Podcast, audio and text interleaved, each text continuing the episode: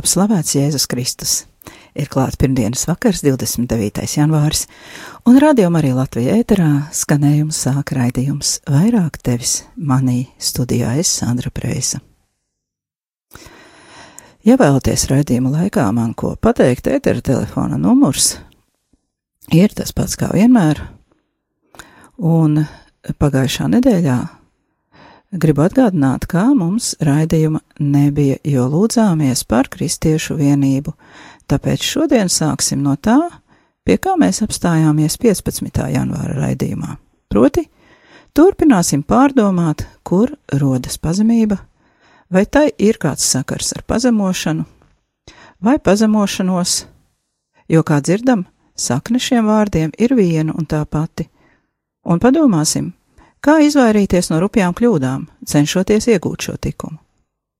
Šai tēmai tiks veltīti vairāk raidījumi, jo bez izpratnes par pazemību mēs varam pieļaut kļūdas gan attiecībā uz savu morālētisko dzīvi, gan arī izpratnē par garīgo dzīvi un dzīvi sabiedrībā, gan arī nodarīt pāri paši sev un saviem tuvākajiem.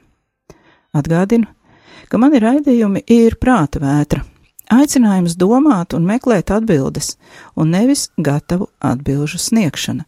Arī šīs dienas pārdomas būs tikai aicinājums meklēt un padziļināt katram savu izpratni par šo nebūt nevieglo tēmu. Bet tagad palūksimies, lai svētīga mums nākamā pusstunda, un kopā ar Aglonas bazilikas kori uzticēsim sevi un šo raidījumu Dievmātei, Dieva tēva un dēla un svētā gara vārdā Āmen.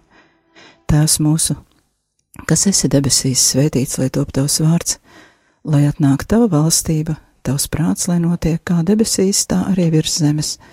Mūsu dienascho maizi dod mums šodien, un piedod mums mūsu parādus, kā arī mēs piedodam saviem parādniekiem. Un neieved mūsu kārdināšanā, bet atpestī mūs no ļaunā Āmen.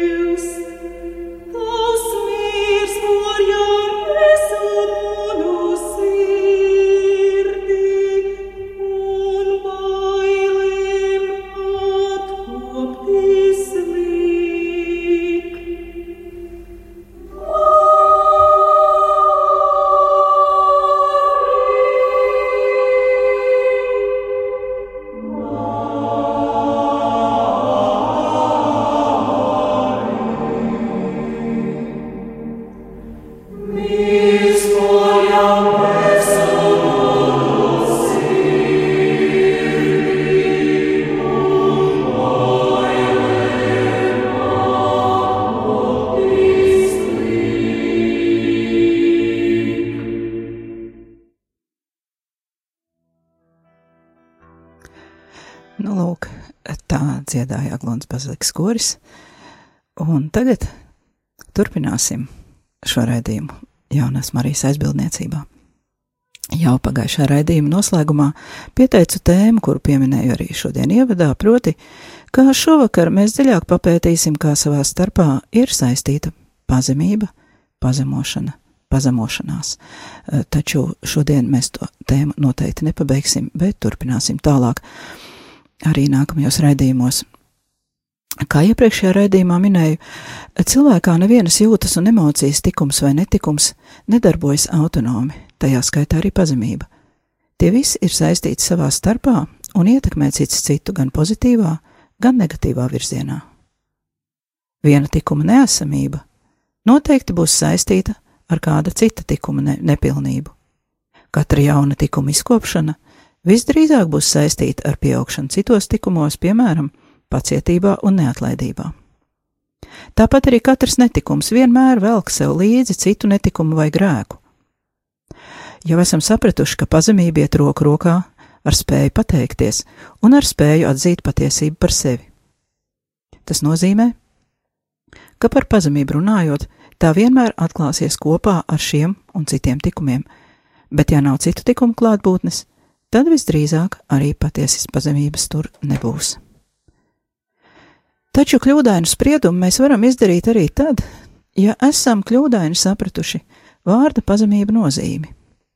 Tādā gadījumā mēs varam sajaukt patiesu pazemību ar viltus pazemību.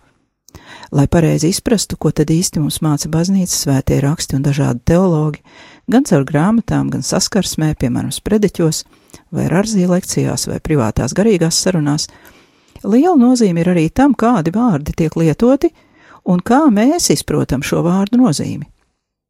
Jau iepriekšējā raidījumā pieskāros šim fenomenam, salīdzinot vārda pazemība tulkojums vairākās valodās. Un atklājām, ka latviešu valodā ir tikai viens vārds, eh, kamēr krievu vai angļu valodās ir vairāki vārdi, kuri apzīmē pazemību dažādās tās nozīmēs. Dažreiz uz nepareizi saprast vārdu pamata mēs varam sacerēt veselu jaunu mācību, kurai būs maz sakara ar pirmavotu. Lūk, ko attiecībā uz vārda nozīmi saka kāds brālis sprediķotājs. Brālis Roberts Eklesis, kurš kalpo svētā erceņģeļa Miķeļa kopienā Anglijas provinces noviciāta mājā Kembridžā. Vai jūsu grāmatu plauktā ir kāds dejoļu krājums? Šeit, Kembridžā, noviciāta mājā, mūsu jaunie brāļi vakaros ar prieku lasa dzēju viens otram priekšā. Viņi ir sapratuši, ka viņu darbs ir saistīts ar vārdiem, jo iesākumā bija vārds. Nākamajiem brāļiem, sprediķotājiem, ir jārūpējas par vārdiem, gan par vārdu skaistumu, gan autoritāti, jo tas ir reizē mūsu pienākums un mūsu iepriecinājums.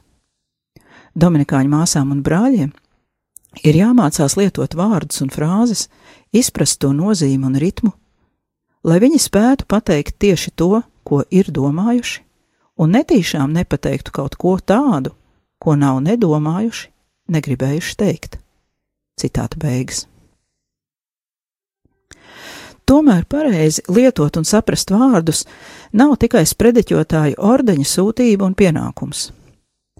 Kaut kādā veidā sludinātājs ir katrs kristietis, katrs no mums, jebkurā vietā, kurā atrodamies. Bieži vien esam dzirdējuši, ka sludināt var arī bez vārdiem, un īpaši populārs ir kāds stāsts par Svēto Francisku un viņa brāļiem, kuri esot sludinājuši vienkārši izējot cauri pilsētai.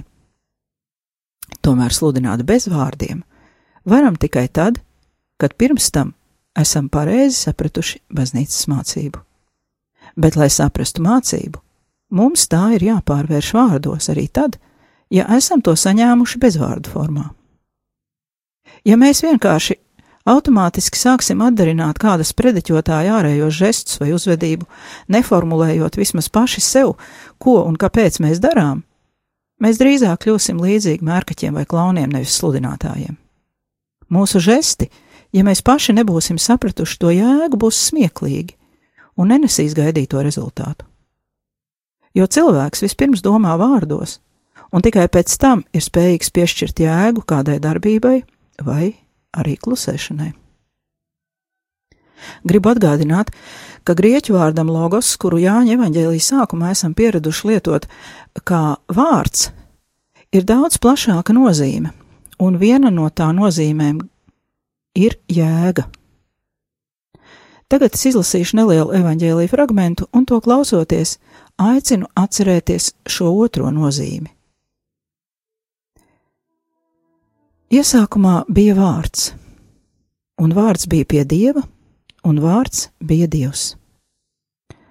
Tas bija iesākumā pie dieva. Caur viņu viss ir radies, un bez viņa nekas nav radies, kas ir. Viņā bija dzīvība, un dzīvība bija cilvēku gaisma. Tā raksta apustulis Jānis evaņģēlijas sākumā. Bet šādi runā radīšanas grāmata. Iesākumā Dievs radīja debesis un zemi, bet zeme bija neiztaisīta un tukša, un tumsa bija pār dziļumiem, un Dieva gars lidinājās pār ūdeņiem, un Dievs sacīja: Lai top gaisma, un gaisma tapa. Citāta beigas. Ko mēs šeit dzirdējām? Vārds. Vārds bija iesākumā pie dieva, vārds bija dievs. Caur vārdu viss ir radies, vārdā bija dzīvība, vārds bija cilvēku gaisma. Dievs radīja izrunājot vārdu. Dievs radīja konkrētas lietas un caur vārdu tām piešķīra to būtību, jēgu. Tātad jebkura radīta lieta iegūst jēgu caur Dievu izrunāto vārdu, un arī tad, kad viss bija radīts, Dievs lika Ādamam dot vārdu radībai, tas ir iesaistīt cilvēku šajā jēgas piešķiršanas procesā caur vārdu. Lūk, kā to apraksta radīšanas grāmatas otrā nodaļa. Tad Dievs, tas kungs, veidoja no zemes ikvienu lauka zvēru, ikvienu putnu gaisā un pieved tos pie cilvēka, lai redzētu, kādā vārdā viņš tos nosauks, un kā cilvēks nosauktu ikvienu dzīvu radījumu, tāds lai būtu tā vārds un cilvēks nosauca vārdā visus lopus, visus putnus gaisā un visus lauka zvērus, bet viņš neatrada palīga, kas viņam atbilstu.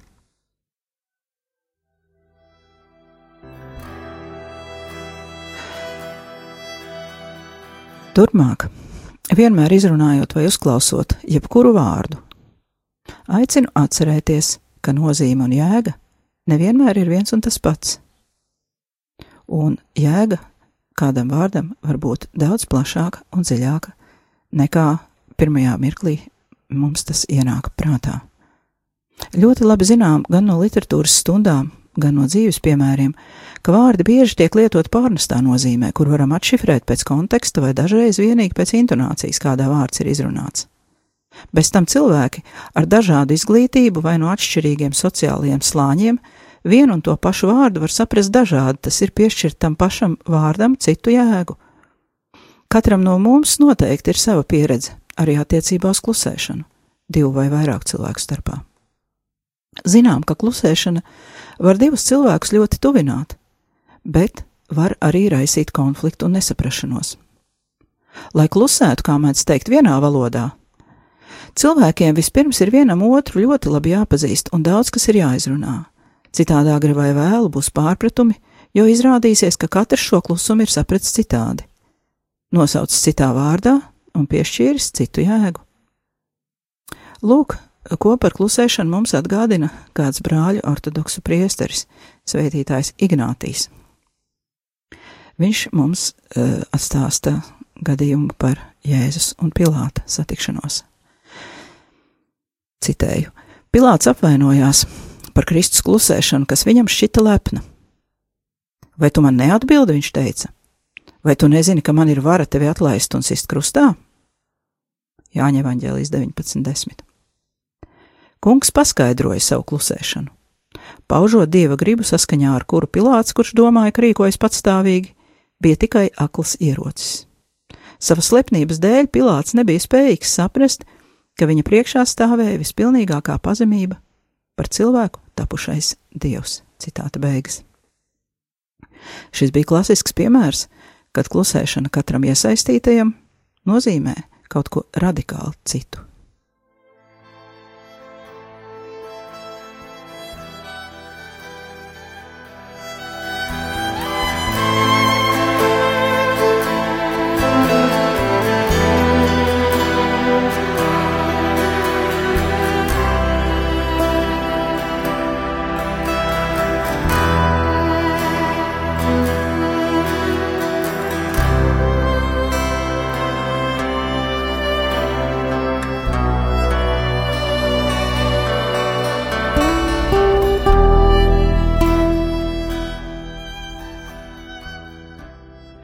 Tomēr neatkarīgi no tā, kādu vārdu mēs izrunājam, ir jāsaprot, ka tam ir daudz lielāka nozīme un spēks, nekā mēs vispār spējam saprast.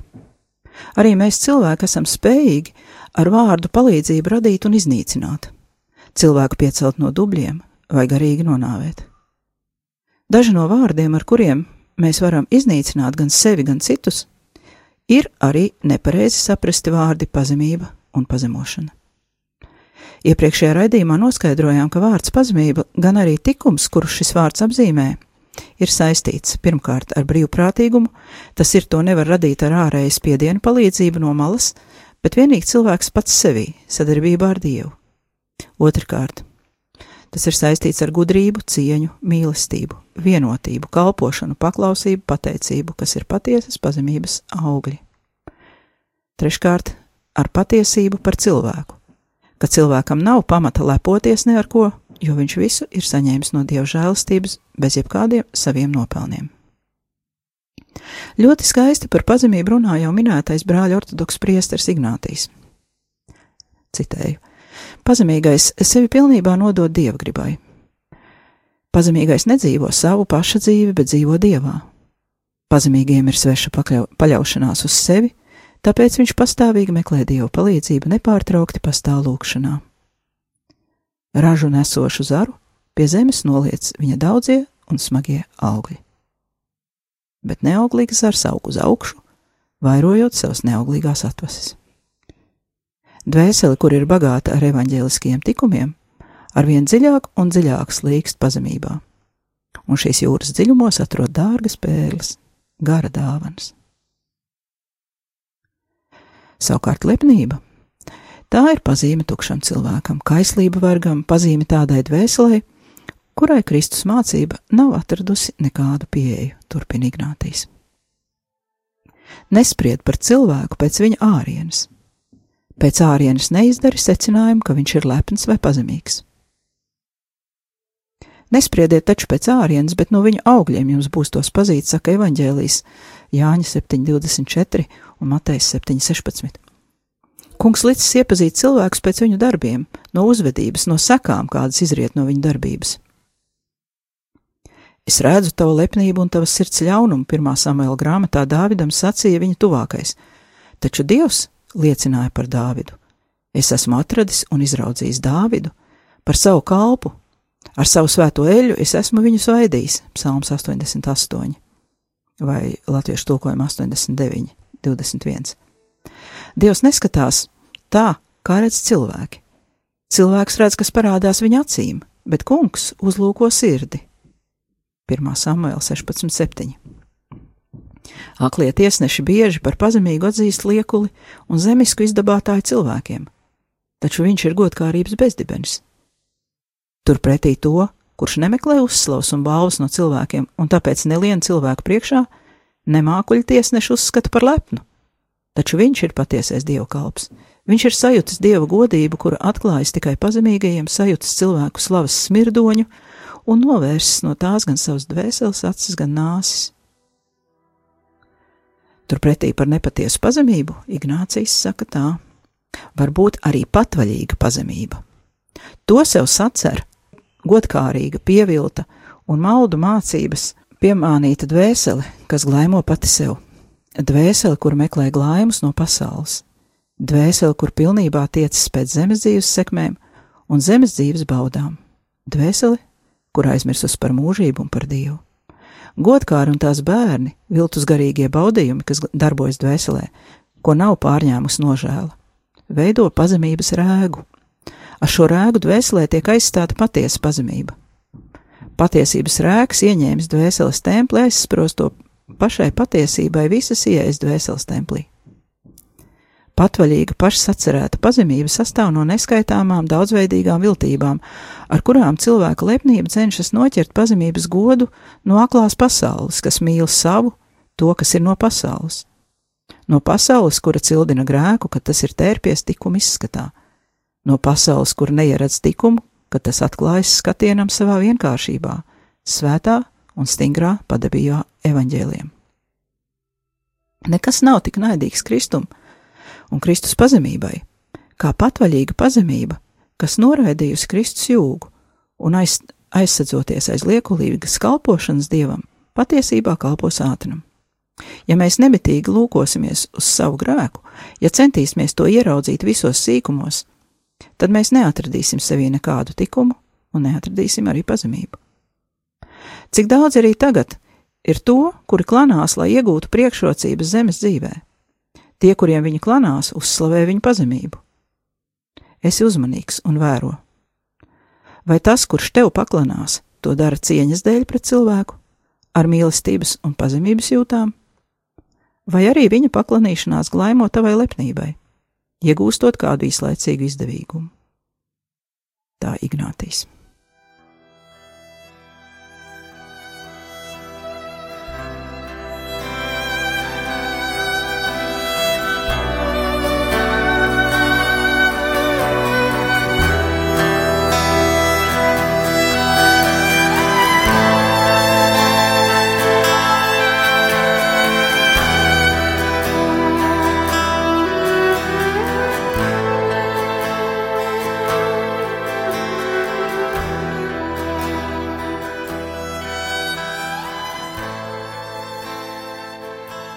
Tātad no Ignātija teiktā varam izsacināt divas kļūdas, kuras var izdarīt nenobriedus dvēsele, kura nespēja saprast patiesu pazemību.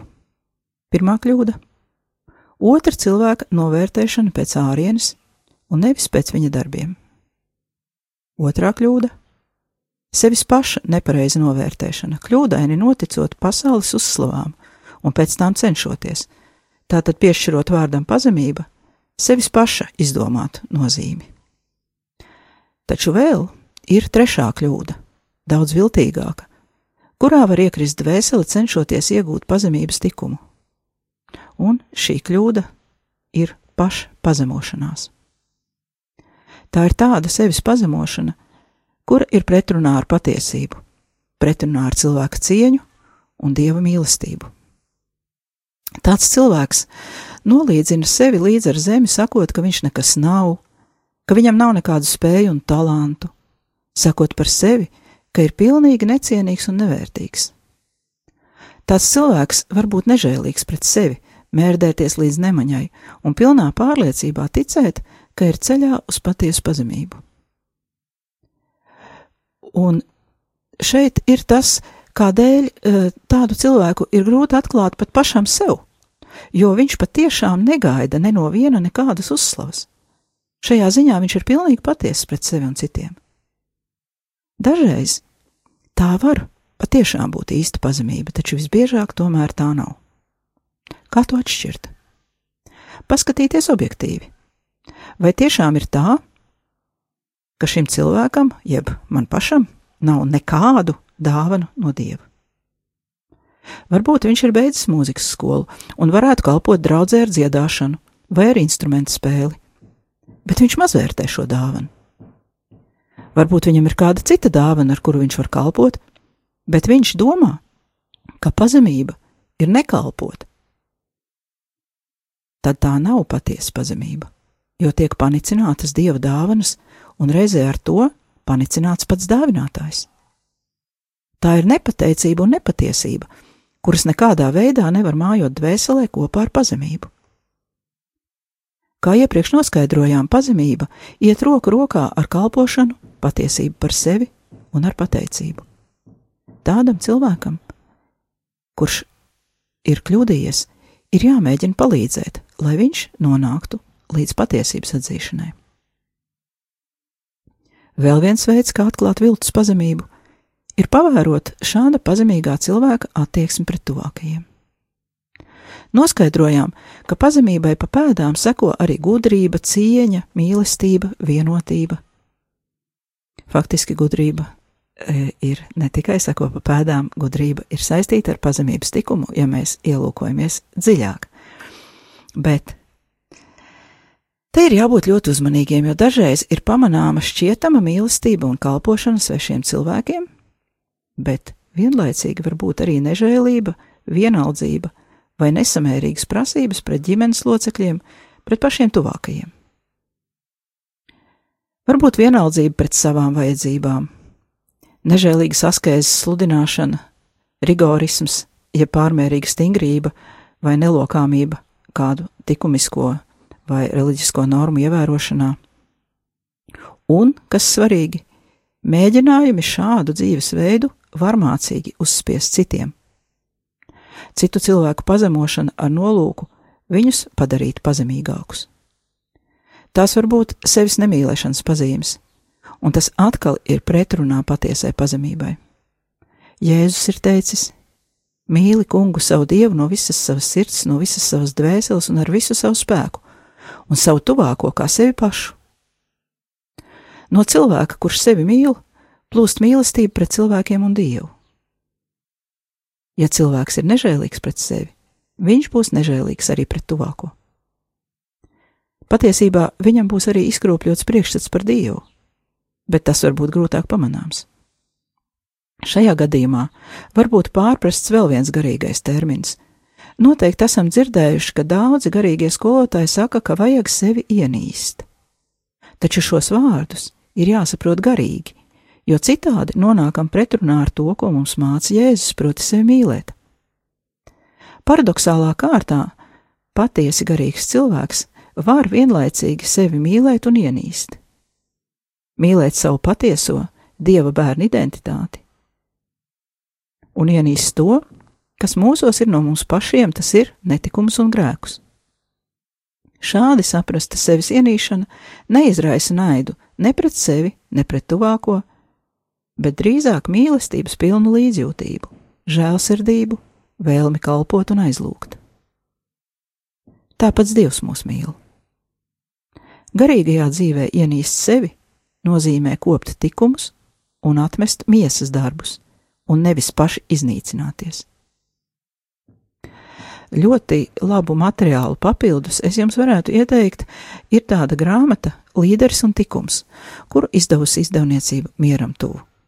No sirds iesaku to izlasīt, bet lai tas paliek jums kā mājas darbs. Ar to tad šovakar arī beigsim. Nākamajā reizē turpināsim pētīt, kādas sekas var būt, ja esam nepareizi sapratuši vārdus pazemošana un pazemošanās. Un ceru, ka tas būs jums interesanti un veicinās mūsu visu kopīgi garīgo izaugsmi.